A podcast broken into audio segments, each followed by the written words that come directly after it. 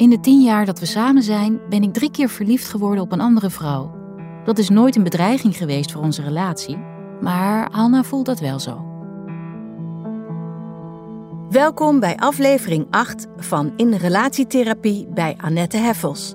Leuk dat je luistert. Sinds 2001 beschrijft psycholoog Annette Heffels elke week in Margriet therapiesessies die in haar eigen praktijk hebben plaatsgevonden.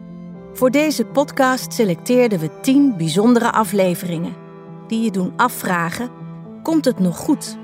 Kan deze relatie worden gered? Dit keer het verhaal van Hanna en Aisha. Hanna heeft er steeds meer moeite mee dat Aisha, met wie ze nu 10 jaar samen is, soms ook verliefd wordt op andere vrouwen. Ik heb de afspraak gemaakt voor dit gesprek omdat Hanna het moeilijk vindt om te accepteren dat ik vrijheid nodig heb in onze relatie. Ik weet dat ik van meer mensen kan houden en ik ben niet bereid om dat te ontkennen, omdat Hanna en ik elkaar eeuwige trouw moeten beloven. Ik heb hier nooit een geheim van gemaakt. Hanna en ik kennen elkaar nu tien jaar. Zij was nog getrouwd met Evert toen ik haar leerde kennen. Ik heb haar niet gevraagd om van hem te scheiden toen wij verliefd op elkaar werden. Maar Hanna kon dat niet, twee relaties. Ze had al te lang geleefd met het geheim dat ze wist dat ze op vrouwen viel, maar dat niet kon zeggen. Eerst kon dat niet omdat ze haar ouders geen verdriet wilde doen, toen haar man niet en tenslotte haar dochters niet. Toen ze uiteindelijk besloot om van haar man te scheiden, voelde ze zich vreselijk schuldig naar hem. Hij versterkte dat schuldgevoel ook.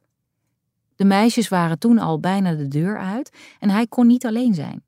Hij chanteerde Hanna door te zeggen dat het leven voor hem niet meer hoefde. Hij verwaarloosde zichzelf. Dus Hanna ging bijna elke dag bij hem langs om voor hem te koken. Of ze belde om te horen hoe het met hem ging. Ik heb daar wel eens wat van gezegd. Niet omdat ik jaloers was, maar omdat ik zag dat die zorg voor hem en dat schuldgevoel Hanna sloopte. Ze kon dat pas loslaten toen hij een jaar later een vriendin had met wie hij nu samenwoont en die voor hem zorgt. Maar nog steeds kan Hanna gebukt gaan onder haar schuldgevoel over wat ze hem en de kinderen heeft aangedaan. Ik hou heel veel van Hanna en ik ben haar trouw, in de zin dat zij altijd op de eerste plaats komt.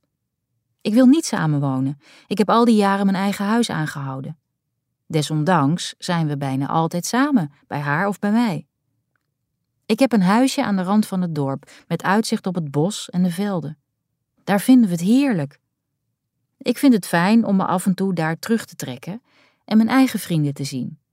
Met sommige daarvan heeft Hanna helemaal geen klik en er is natuurlijk ook een leeftijdsverschil.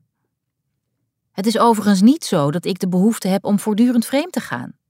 In de tien jaar dat wij samen zijn, is het drie keer gebeurd dat ik ook verliefd werd op een andere vrouw. Dat was nooit een bedreiging voor de relatie met Hanna, al voelde zij dat wel zo. Ik heb haar altijd alles eerlijk verteld, ook over mijn recente vriendschap met Eva ben ik open. Maar zij zegt nu dat ze mijn manier van leven niet meer aan kan en erover denkt om met onze relatie te stoppen als ik door wil gaan met Eva. Ik heb dat wel gezegd in mijn wanhoop dat ik wilde stoppen met onze relatie. Maar ik denk niet dat ik dat zou kunnen. Aisha is mijn grote liefde. Ik kan me mijn leven zonder haar niet voorstellen. Maar het maakt me wel bang als zij zo overduidelijk verliefd is op iemand anders. Ze is er altijd pijnlijk eerlijk over. Ik heb wel eens gezegd: vertel me maar niet alles, want ik kan er niet tegen.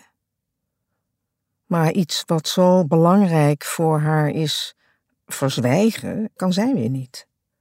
En ik wil het uiteindelijk ook weten. Niet weten waar ze is en met wie vind ik helemaal onverdraaglijk. Aisha gelooft in polyamorie. Ze is ervan overtuigd dat je van meer mensen kunt houden en dat dat eigenlijk natuurlijk is. Ze heeft me gevraagd er dingen over te lezen, omdat ze denkt dat het een verrijking van ons leven zou zijn als we naast de liefde voor elkaar ook van anderen zouden kunnen houden. Omdat je volgens haar nooit aan alles kunt voldoen wat een geliefde nodig heeft. Wat zij het liefst zou willen is dat Eva en ik elkaar leren kennen.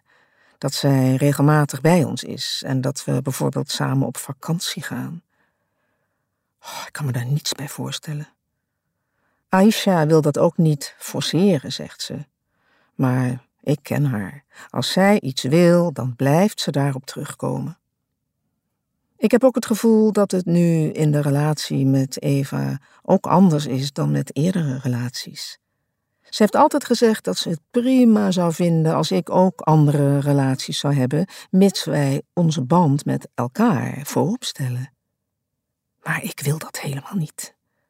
Ik kan me niet voorstellen dat ik naast de relatie met Aisha iemand anders zou hebben. Ik vond dat altijd zo pijnlijk als Aisha zei dat zij dat heel goed kon. Bijna alsof ze me wilde testen. Dus nu wil ze dat ik lees over polyamorie en dat ik er met Eva over praat. Ik heb altijd de angst gehad dat dit ooit zou gebeuren. Dat Aisha genoeg van mij zou krijgen of dat ze iemand anders zou ontmoeten. Zij is niet iemand die je vast kunt binden. Ik noem haar altijd mijn paradijsvogel, ook al wist ik heel goed dat ze nooit van mij zou zijn. Zij wil alles uit het leven halen. Ik ben me ervan bewust dat wij twaalf jaar schelen. Nu is dat toch niet zo erg, omdat ik gezond en fit ben. Maar Aisha is niet iemand die er tegen zou kunnen als ik misschien ziek zou worden en zorg van haar nodig zou hebben. Mijn grote angst is dat ik straks een van haar ex-partners ben, met wie ze nog een goede vriendschapsband onderhoudt. Want zo is ze, heel trouw aan de mensen die haar dierbaar zijn. Maar ik kan niet verdragen dat ik dan niet meer die speciale plek heb in haar leven. Er zijn natuurlijk altijd mensen geweest die een relatie hadden met een minnaar of minnares naast hun vaste relatie. De opvattingen in de maatschappij hierover, of dat kon, waren verschillend in verschillende tijdperken. De meeste paren van nu vinden trouw aan elkaar belangrijk. Dat betekent overigens niet dat die trouw beschermt tegen gevoelens van verliefdheid op een ander. Maar die verliefdheid veroorzaakt dan wel vaak gevoelens van jaloezie, angst, woede en schuld. En in de meeste gevallen moet er uiteindelijk een keuze gemaakt worden. Veel partners houden hun gevoelens voor de ander geheim en leiden een stiekem dubbelleven. Aisha wil dat niet. Zij gelooft in polyamorie. Volgens haar kun je van meer mensen houden en is het onnatuurlijk om je te beperken tot één levenslange liefde. Die opvatting wordt door meer mensen gedeeld, maar is zeker niet heel gangbaar. In mijn praktijk zie ik namelijk vooral paren die moeite hebben met een derde in de relatie. Ze worstelen met de angst om hun geliefde te verliezen. Ik hoor hoe die angst wordt omgezet in woede over de ontrouw en over het bedrog. Want boosheid doet minder pijn dan verdriet of angst. Ook de ontrouwe partner gaat door allerlei emoties heen. Hij voelt zich schuldig over het bedrog, is bang om betrapt te worden en om dan een van beide relaties te verliezen.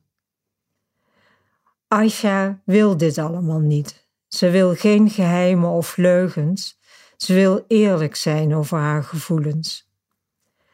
Hoewel Hanna het moeilijk vindt om een derde in de relatie toe te laten, probeert ze toch om hierin mee te gaan met Aisha. Dit is vanuit haar angst Aisha te verliezen. Daarom past ze zich zoveel mogelijk aan haar aan. Ze staat toe dat Aisha regelmatig tijd doorbrengt met Eva alleen. Ook accepteert ze dat Eva vaak bij hen logeert en dat ze deel uitmaakt van hun gezin en hun leven. Steeds meer tijd brengen ze met z'n drieën door. In onze therapie merk ik dat Hanna haar best doet, maar dat het veel van haar vraagt. Tot nu toe lijkt haar dit te lukken. Ik ben trots op haar, zegt Aisha.